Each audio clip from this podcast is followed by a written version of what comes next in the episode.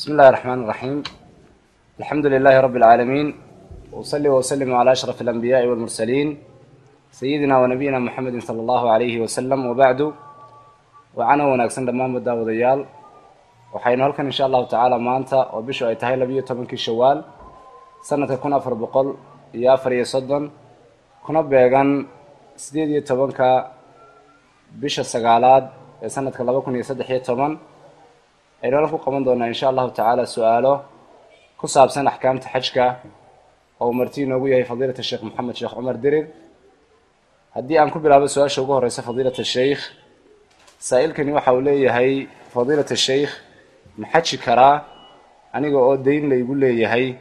Sidoo kale xajka ma ku tegi karaa buu leeyahay lacag aan sii amaahday.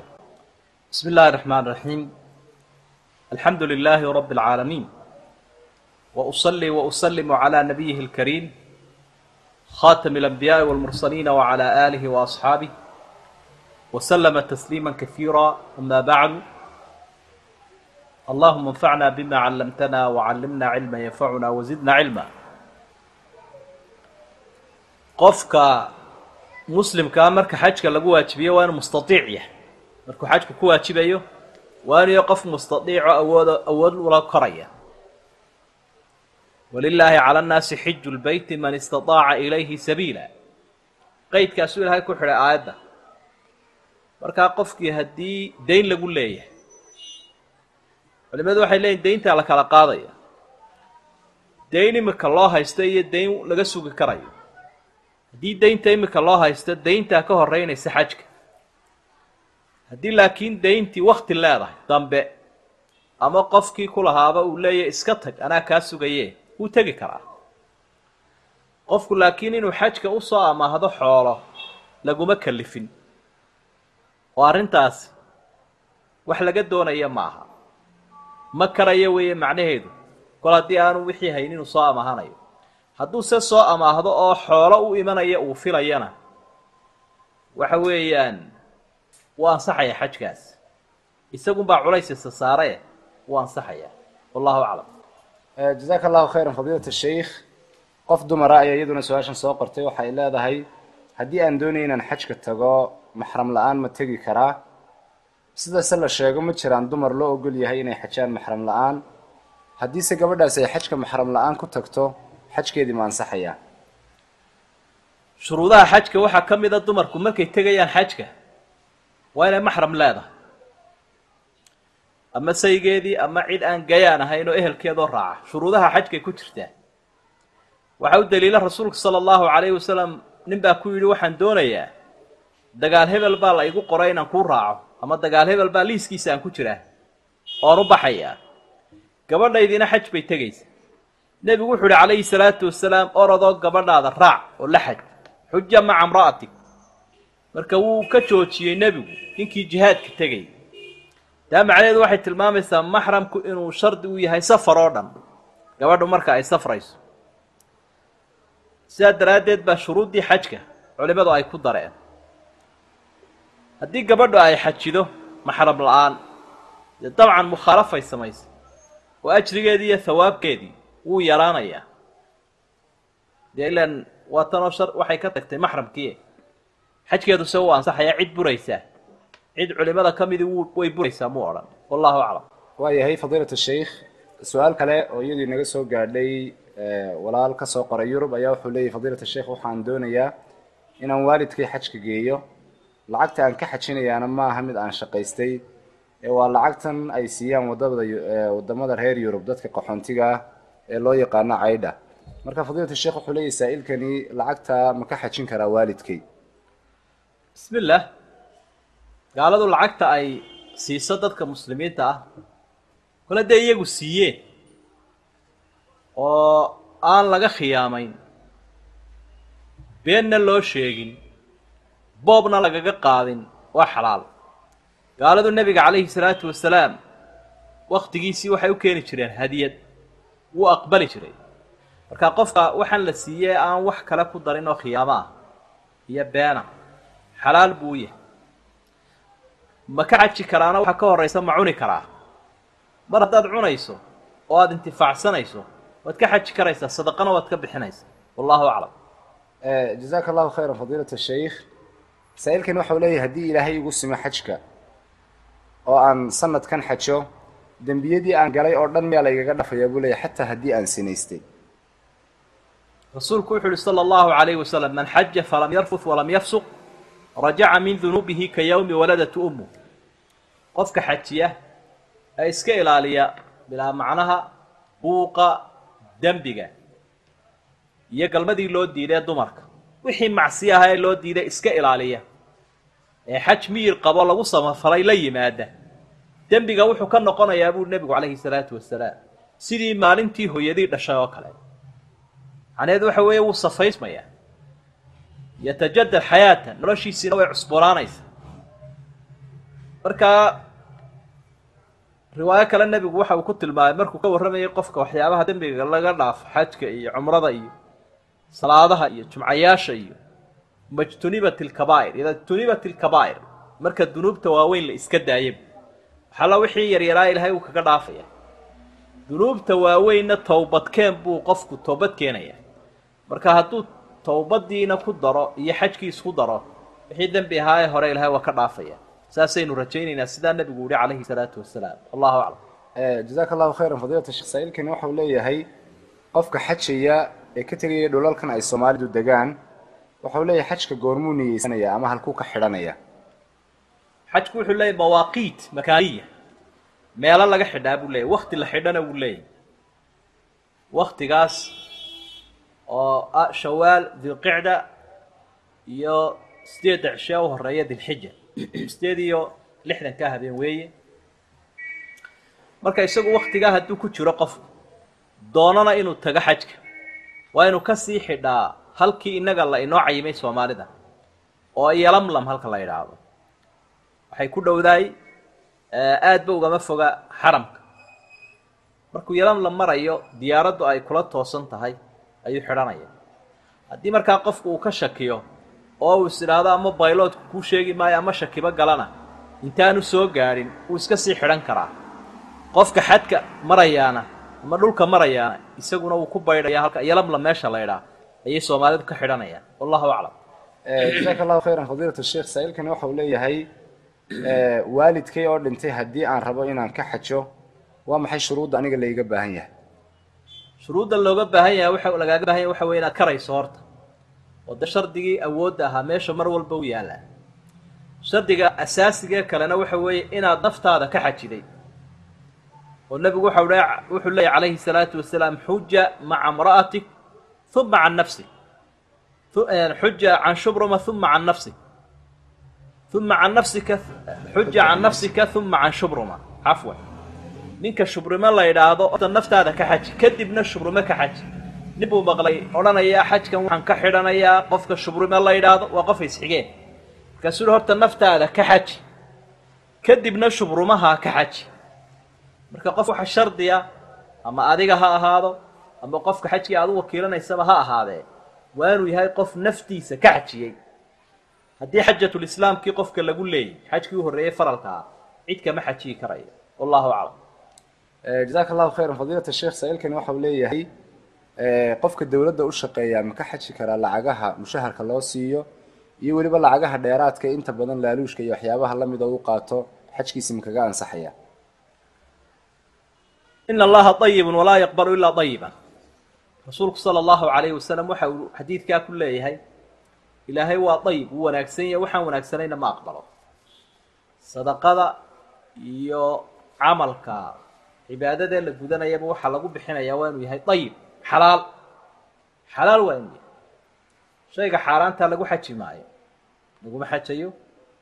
Ee waa kan rasuulkule sala allahu calayh wasalam waxaan xalaal ahayn ama ayib ahayn. Xalaashu waa ayibe ilaahay ma aqbalayo marka sida aad sheegtay dee qofku waxaan uu qaadanaya hadduu yahay wax official ama si rasmiya loogu ogol waa ku xajiyi karaa u cuni karaa laakiin wixii khiyaamo aha ama wixii boob ama wixii laaluush waa xaaraana kuma xajiyayo wallahu aclam jazaaka allahu khayran fadiilata sheikh. Su'aashan waxaa soo qoray wiil dhalinyaro ah waxaana uu leeyahay sheekh waxaan ahay wiil dhalinyaro ah oo aan weli guursan. Waxaanan haystaa lacag aan ku xaji karo inaan guursadana waan doonayaa marka wuxuu leeyahy fadiilata sheikh miyaan ku guursadaa lacagta mise waan ku xajaa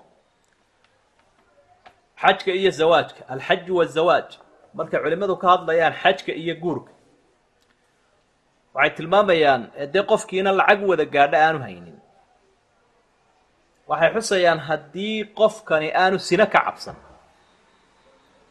Oo uu awoodi karayo intuu aayar iska soo xajo guurka inuu dambaysiiyo. Xajkuu horraysiinaya. Ilaa waa mustatiicoo wuu kari karayaa guri iyo gabadh iyo gaadhi iyo arrimahaasina. Dee wax dambeeyo wey. Waxa uu markaa ku guursan karayaa lacagtan u hayo. Haddii uu xaaraan iyo sino ka baqanayo naftiisii ay ku adagtay inuu xakameeyo markaa guurkuu horraysiinayaa xajkana wuu dambaysiinayaa laakiin qof isku filan oo isku kalsoon oo naftiisa kalsooni ka qabo hayn kara haddii uu yahay xajkuu horraysiinaya guur guurkana wuu dambaysiinaya. Wallahu aclam. Jazaaka allahu khayran fadiilat sheikh. Saa-ilkani waxa uu ka hadlaya waxyaabaha xajka buriya waxa uu leeyahay. Muxuu noqonayaa xukunka nin haddii isaga iyo xaaskiisu ay wada xajaan iyagoo xajkii ku guda jirana ninkii uu xaaskiisii siduu soo qoray ku qaldamo ama uu u galmoodo xukunkoodii muxuu noqonayaa? Waxyaabaha xajka buriya ayuu ka mid yahay ooridiio uu xaajigu u galmoodo. Muddada galmada la diidan yahay waa dhowrka maalmood ee xajka lagu dhex jiro. Maalinka sideedaad sagaalaad tobnaad tobnaad haddii aanu dee dawaafkii samaynin. Dhowrkaa cishee hore wey ilaa intaanu dawaafka samaynin intaasunbaa loo diidan yahay inuu galmo sameeyo xaaskiisii u sameeya hadduu sameeyo isagoo xajkii sidaa ugu dhex jira maalmaha kooban. Waxa weeye xajkiisii sanadkaa u buray.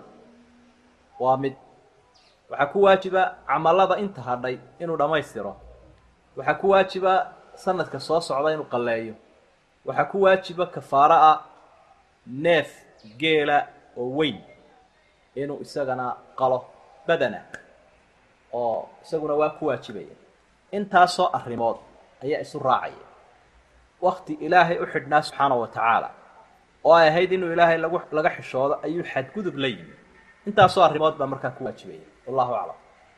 Jazaaka allahu khayran fadiilat sheikh waxa uu leeyahay haddii aan maxram ahaan u raaco qof dumar ah anigiina aan xajayo xajkaygi may ansaxaya. Dabcan haddii dee uu ehelkiisa mid ka mida la socdo iyadiina way xajaysaa isagiina wuu xajiyaya maxram baan u yahay. Wax dhibi kuma jiro iyo wax laga shakiyo toona maaha haddaama waxa suuragala qofku inuu iskala socdo un iyadoo xaajiyada isagiina aanu xajaynin.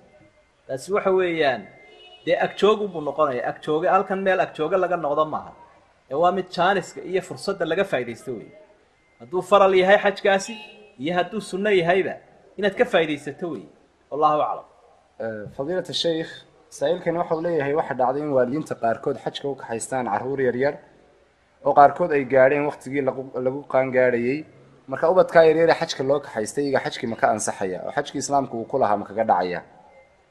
Rasuulka sala allahu calayhi wasalam isagoo socdaal ku jiro oo xajka u socda waxaa ka soo baxay waf ka soo horbaxay wafdi iyaguna muslimiin ah oo xajka u socda. Waa la iswaraystay kadib gabadh baa si deg deg ah jaaniskii uga faa'iidaystay nebiga calayhi salaatu wasalaam ilmo yar bay kor u qaado waxay tidhi ali haadaa xajun yaa rasuula allah qaala nacam walaki ajr ilmahaasi xaj ma leeyahy oo xaj ma ka ansaxaya. Nebigu haabu adiguna ajri baad leeday. Marka ilmaha yar ee aan qaangaadhka ahayn xajkiisu waajib maaha laakiin hadduu xajiyo wuu ka ansaxayaa. Isagiina ilaahay ajri iyo kayd buu udhigayaa waalidkiisiina ajri buu leeyahay hadduu dee qaangaadhayna isagaabuu waajib ku yahay. Wallahu aclam.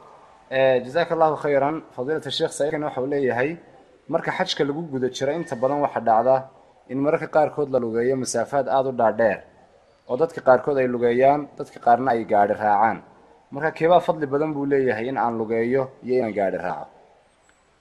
Labada arrimoodba way bannaan yihiin qur'aankana ilaahay wuu ku sheegay waadin fi nnaasi bilxaji ya'tuuka rijaalan wa calaa kulli daamirin ya'tiina min kulli fajin camiiq nebi ibraahim baa ilaahay uhi dadka u yeedho ogeysii xajka waxay iman doonaan iyaga oo jiha fog jihooyin fogfog oo caalamka ah ka yimi iyagoo lugaynaya iyo iyagoo gaadiid saaran labada way way ku iman doonaan haddii qofkii ay dhib ku tahay socodku dee gaadiidku iska raacaya mararka qaarkood buu socodkaba socodku ka sahlan yahayba gaadiidka oo saxmadda badana dhacaysa.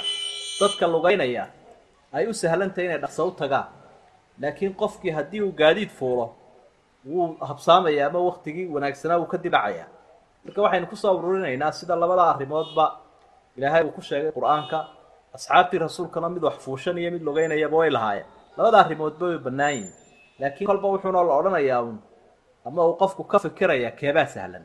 Wallahu aclam jazaaka allahu khayran fadiilat sheekh saa-iilkani waxau leeyahay qofku inta uu xajka ku guda jiro maxaa ka xaaraana inuu sameeyo ama maxaan loo ogolayn waxaan ku talin lahayn arrimaha noocaas oo kalea kolka maalan la sheego qofku waa laga yaaba xaajiga ah inaanu si dhaqso ah u qabsanin waa laga yaabaa. Marka waxay ku habboon tahay shayga loo yaqaano maxduuraat lixraam qofka xajka xidhan ama cumrada xidhan waxyaabaha loo diiday inuu cajarad ka dhagaysto ama kitaabka akriyo si uu u xafidi karo. Marka waxyaabaha loo diiday ee mamnuuca ka ah oo ah aadaabta waajibka ah ee uu samaynayo qofkan wafdiga ilaahay waa qof wafdi ilaahaya xaajib iyo qofka cumraysanaya. Marka aadaab buu leeyahay.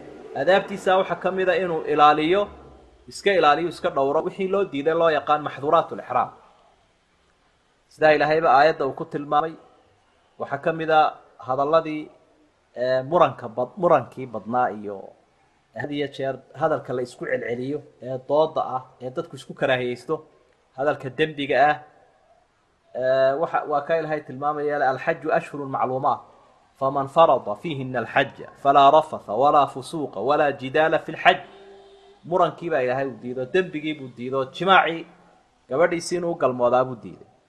Waxyaabaa la diiday waxaa ka mid ah qofkii inuu hadduu xaajiba yahay timihiisii wuu daynaya rag iyo dumar mid kasta aado intuu qofku xajka ku jiro timaha guri maayo ciddiyahana iska jari maayo. Wakti buu la sugayaa maalinta tobnaad waxyaabaha loo diiday waxaa ka mid a raggii inuu madaxa qariyo ama wejiga qariyo. Intaa kurtu way banaanaanaysaa qofka xaajiga ah. Dumarkiina sida kale iyagu way u asturan yihiin iyagu waxaanay gashanaynin labadan baalaha nangaloffiska la ydhaha gacmaha la gashado iyo wejigii niqaabkii gacmo gashigii iyo niqaabkii wejiga. Labadaasay iska daynaysaa sida xadiidka rasuulka ku sugan sala allahu calayhi wasalam qofka xaajiga waxyaabaha loo diiday waxaa ka mid ah dharkii tolnaa inuu xidho waa raggii wey raggu dhar tolan xidhan maayna labadaa go ee midna la hilaabanayo midna la guntanayo ayay xidhanayaan. Waxyaabaha loo diiday waxaa ka mid a udgoonkii oo dhan. Wixii udgoonaa cadarkii iyo saabuuntii cadarka lahayd iyo saliiddii cadarka lahayd iyo waxyaabaha udgoonka lahoo dhan iyo inuu cadar marsada inta uu xajka ku jiro waa loo diiday. Dumarku markooda horeba dee dabadda ulamay baxayn ragguna inta ay xajka ku jiraan iyagana waa loo diiday. Waxyaabaha loo diiday waxaa ka mid a baadida xaramka inay qaadaan oo qofkii ma qaadayo haddii uu qaadayona yabooh baa ku waajibaysa. Inuu yaboohiyo qofkii lahaa uu la baadi doono dhirta xaramka dhir baa ku taalla iyo ugaadhiisa dhirtana goyn maayo ugaadhana dili maayo. Qofka xaajigaa intaa safar salaam oo nabadgelyo ah. Rixlatuhu rixlatu salaam. Waa safar nabadgeliyo marka waxyaabahaas oo dhan waa inay ka nabad galaan. Marka arrimahaasi waxay ka mid yihiin waxyaabaha loo yaqaano maxduuraat lixraam qofka xaajiga ah tobaneyo wax ku dhow weeye waxyaabaha loo diido kuwaasi ay ka mid yihiin.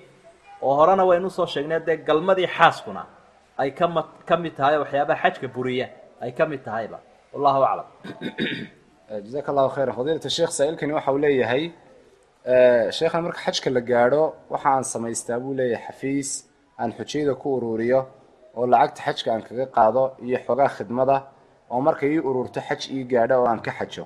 Marka arrinkaa xukunkiisu muxuu noqonayaa.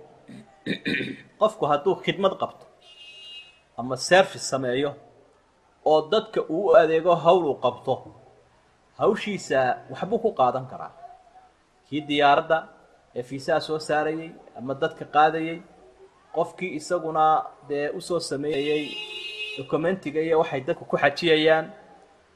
Qofkii isaguna waacidka ahaa ee horkacaya dadka dawaafinayay qof kasta oo camal qabta xalaala. Camalkaasi waxa uu ku helayaa dee mushqaayadiisuu ku leeyahy ilaahayna ajri buu kaga helayaa adduun hadduu qaatana wax u diidayaa ma jiro. Camalkii xaj ha ha ahaado camal cibaado oo dadkii wanaagha loo qabanayo wanaagha lagu garab galo. Laakiin haddana hawl baa meesha taalla marka qofku hadduu wax ku qaato wax dhiba ma leh. Wuxuuna se muhiimahu waxaan uu ku qaadanayo inaan wax khiyaamahay ku jirin oo dadka run uu sheego oo waxuu ka qarinayo khiyaamahay aanay ku jirin. Hawshaasaan kuu qabanayaa muddada intaa la egna waa wada soconaynaa waxaana waan kaa doonayaa. Sidaasun bay ku heshiin doonaan. Kadibna xalaal bay u noqon insha allah. Wallahu aclam jazaaka allahu khayran fadiilat sheekh saa-iilkani waxa uu leeyahay marka laga yimaado waajibnimada xajka ma jiraan faa'iidooyin kale oo adduunyo oo xajku uu leeyahay. Faa'iidooyinkiisu way badan yihiin waa wax la odhan karo muxaadaro dhan baa laga sheekayn karaa. Faa'iidooyinka xajka hunaaka fawaa'id dunyawiya wa fawaa'id ukhrawiya. Faa'iidooyin xagga adduunyadahina way jiraan oo laga helayo xajka. Faa'iidooyin aakhirana way jiraan. Diin iyo dunyaba faa'iidooyinka xajka laga helaya aada bay u badan yihiin faa'iidooyinkiisa dee waxaba kow ka ah.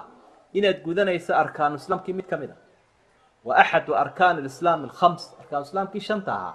Mid ka mida buu qofkani gudanaya. Faral buu gudanaya ilaahayna wuxuu ugu jecel yahay. Wax addoonku uu sameeyo wixii uu ku waajibiyey sida xadiidulqudsiga uu ku tilmaamay. Ilaahay buu addoonku ka farxinaya. Ilaahay buu raalli gelinayaa mar hadduu waajib gudanayo. Arkaanu islaamkii dhammaystiranaysa. Oo qofkii dee mar hadduu xajkii iyo sakadii bixiyo arkaanu islaamkii waa u dhammaystiran tawxiidkii soomkii salaadii zakadii xajkii arkaantii islaamku uu ku taagnaa. Ayuu qofkaasi dhammaystiray. Waxaa faa'iidooyinkiisa ka mid a inuu nabigu tilmaamay calayhi salaatu wasalaam dee dembi bay waxbaa inagu raran dembiyahe xajkaa ilaahay inagaga reebaya. Waa kaasaynu horeba u soo xusnay. Qofku maalintii hooyadii dhashay oo kaleu dembiga ka noqonaya. Ilaahay dembigii oo dhan buu ka dhaafaya faa'iidooyinkiisa waxaa ka mid a inagu janno doon baynu nahay. Waxyaabaha jannada lagu helo xajka ayaa ka mid a alxaju lmabruuru laysa lahu jazaaun ila aljanna. Xajka lagu samafalay ee qofku diinta uu waafaqay diin iyo daacadnimo uu la yimi abaalkiisu waa janna buu rasuulku sala allahu calayhi wasalam faa'iidooyinkiisa waxaa ka mid a kuwa maala dunyawiga ah dee inuu qofkii tujaarad helo oo uu meeshii waxuu ka soo kasbado waxna uu geeyo. Muslimiinta xajaya waxna way geynayaan waxna way ka soo qaadanayaan liyashhaduu manaafica lahum. Waata ilaahay fasaxay qur'aanka dhexdiisa qofkii isagoo xajka ku jira inuu shaqaysan karo oo uu wax soo saari karo isagoo ixraamkiisii haystuu shaqaysan karaa. Suurat lbaqara ilaahay ku fasaxay subxaana wa tacaala.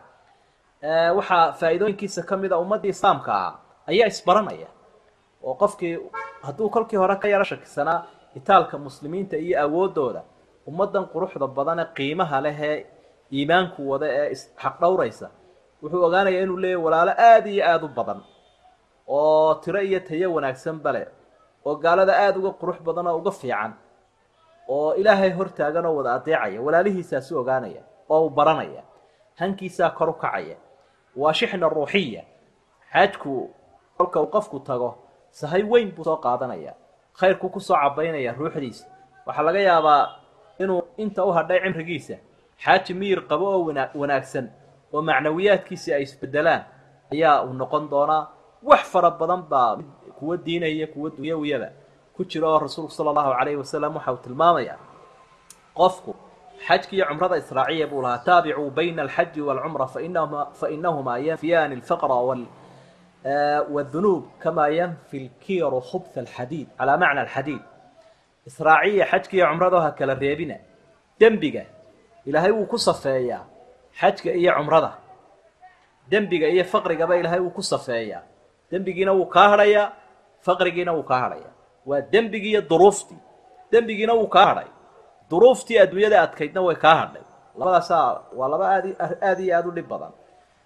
Markaa sida had iyo jeer marka xadiidka la buufiyo iyo dahabkiiyo lacagta marka la buufiyo inta saafigiina way soo hadhaa. Inta xashiishka iyo ciidda ahayna way iska hadhaa. Marka sidaas oo kale ilaahay qofka ugu nadiifinayaae xajka iyo cumrada israaciya buu yihi rasuulku sala allahu calayhi wasalam. Kuwaas oo dham waxay ka mid yihiin fawaa'id fi lxaj dunyawiya wa ukhrawiya wa diiniya wa maadiya. Intaasoo dhan baa ka mida iyo kuwo kaloo badanba. Wallahu aclam. Jazaaka allahu khayran fadiilat sheekh saa-iilkani waxa uu leeyahay qofku marka xajka uu dhammaystirmo inuu si dhaqsaa markiiba uga soo baxo oo uu ka yimaado iyo inuu muddo sii joogo oo cumrooyin kala sii sameeyo oo xukunkeedii maxay noqonaysaa keebaase u fadli badan buu leeyahay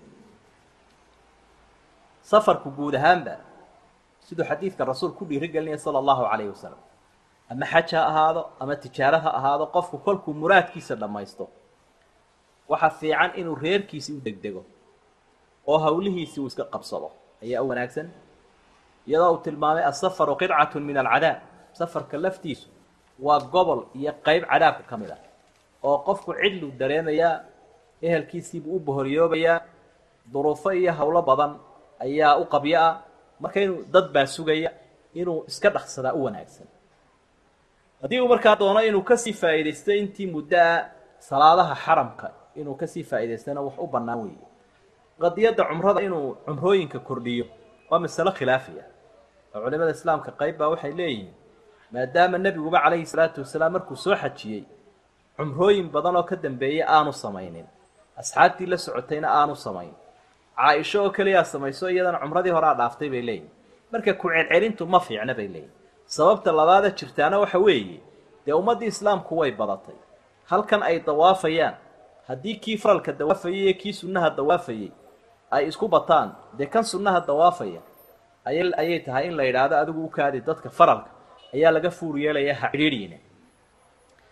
waxaynu see odhanaynaa ama aynu ku tegaynaa inay culimmadu u badan yihiin qowlkaa sheegaya in cumrooyinkaa labaade qofkuu samaynaya ama hadduu waalidkii ka cumraysto kale ama isagu mid kale uu ku ceshado inay ansaxayso. Taasaynu markaa qaadanaynaa inahaasaynu ka sheegi karayna wallahu aclam. Jazaaka allahu khayran fadiilat sheikh. Saa-iilkani waxa uu leeyahay sida aan filayo fadiilat sheikh sanado badan ayaad xajtay. Waxaanad ka mid tahay culimada sida joogtada xujayada uga caawiya axkaamta xajka ee la xaja marka saa-iilkani waxa uu ku weydiinayaa ma jiraan waxyaabo kaa yaabiyey oo aad kala kulantay dadka xujayda ah gaar ahaan buu leeyahay soomaalida. Maxaad se tala siin lahayd ummadda soomaalida ee xajaysa? Bismi illah haa way jirtay. Kolley inaan sanado iminka ku noqnoqonayno dhowr iyo tobana ilaahay ha aqbalo oo kii daacada allah ha ka dhigo. Dadkana kolley dee xamlad baan u samaynay oo berigii hore. Into inkastoon intan dambe xamladdii iyo nidaamintii walaalaha qaybo kale ay wadaan oo annagu wacdiga oo keliya hun iyo wacyigelinta unaan ku soo hadhnay. Sida la ogsoon yahay dabcan haa way jiraan. Waxyaabo maaragtay yar qariiba ama muujinaya baahida badane ummadda soomaalida haysa ay u baahan yihiin cid hagta oo jahaysa iyo tababar la soo siiyo.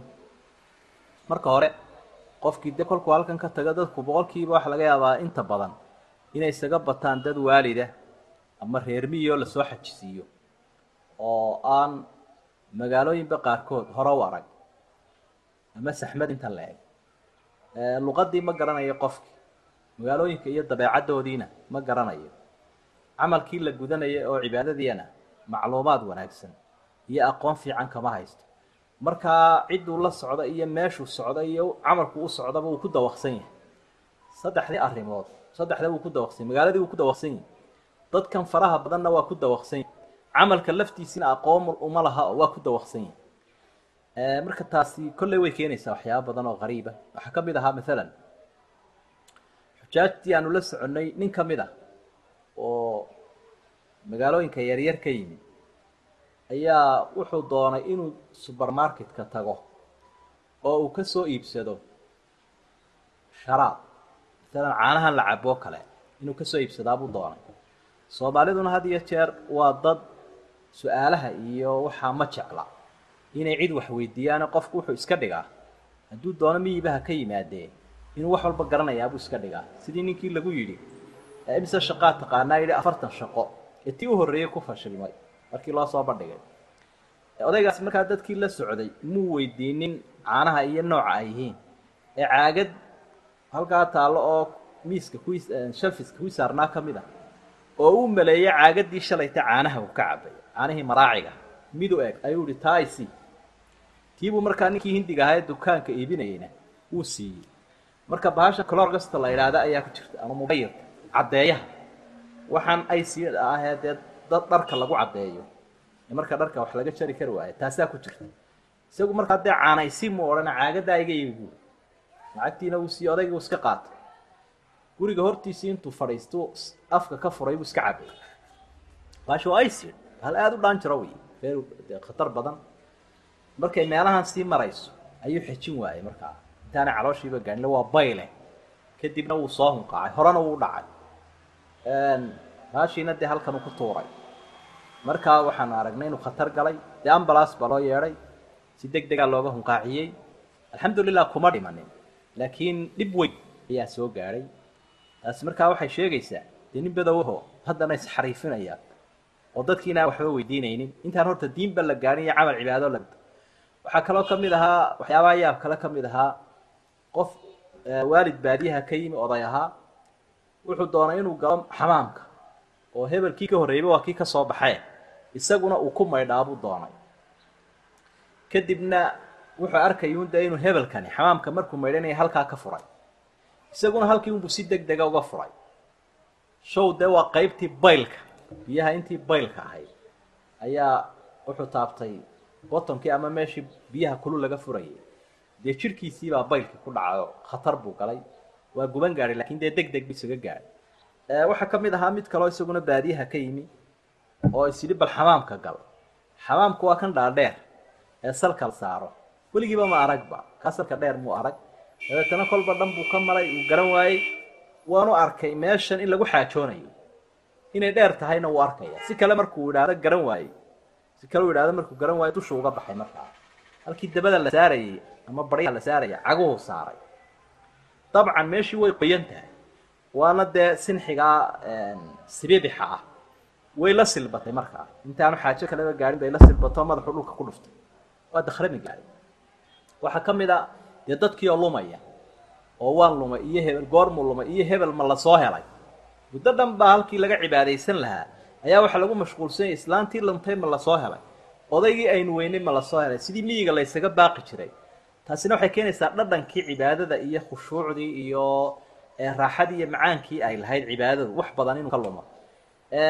Sidoo kale xagga markaynu u soo noqonno camalka uu qofku gudanayo qaladaadka ay dadku ka gelayaan waxaa ka mid ah marka uu qaarkood baa waxay dareemeen xujaajta in saxmaddu ay badan tahay. Carafa. Kadibna saasuu eege wuxuu arkay halkan saxmaddu badantahy banaanka ka horreeya carafana uu iska bannaan yahay. Dabeedna wuxuuhi dadkan kugu buuqay iyo waxaan ku wareeriyeyba maad iskaga dhex baxdid oo iskaga sii dhexbaxaya markii ay cidhiidhi geliyeen carafa oo dee dadkii wada taagan yahay qoraxdu inay dhacdaaba la sugaya markay qoraxdu dhacdaa unbaa carafo laga bixi karaa dabeedna wuxuu kuleeyahy anugu dee markii ay igu buuqeen horey baabaan ka soo baxay. Oo xaggeed ka soo baxday. Dee casarkii baabaan anu iskaga imiba meeshii lagu urursanaa. Qaar ka mid ihi maba tegayaanba qaar ka mid habeenadii loo hoyanayay mina. Waaba laga yaabaa inuu qofku intuu daalo ama ehelkiisii waayo inuu maka iskaga hoydo. Oo idhahdo gurigaagiiba iska tag. Markaa arrimahaas oo dhan waxaa xalkoodu noqon karaa dadka in seminaar loo furo. Dawra wacyigelin ka horeysa xajka intaan la tegin oo diintoodana aada loogu sharxayo. Arrimuhu see u kala muhiimsan yihiin. Ummadda uu u tegay siduu ula dhaqmayo iyo dabeecadda meesha uu degayo wax badan in laga wacyigeliyo oo qofkan aan loola dhaqmin waayeelka ahee reer miyiga ahee diinta iyo dunyada labadaba ka badowga inaan loola dhaqmin sidii dadkii caadiga ahaa. Taasaa wax badani colays badani waalidka uu kaga dhici karaa iyo dadka waaweyn ee soomaalida ah wax badanina ugu saxmi karaan. Weelahaasaa ka mid a kuwan ka sii xusuusta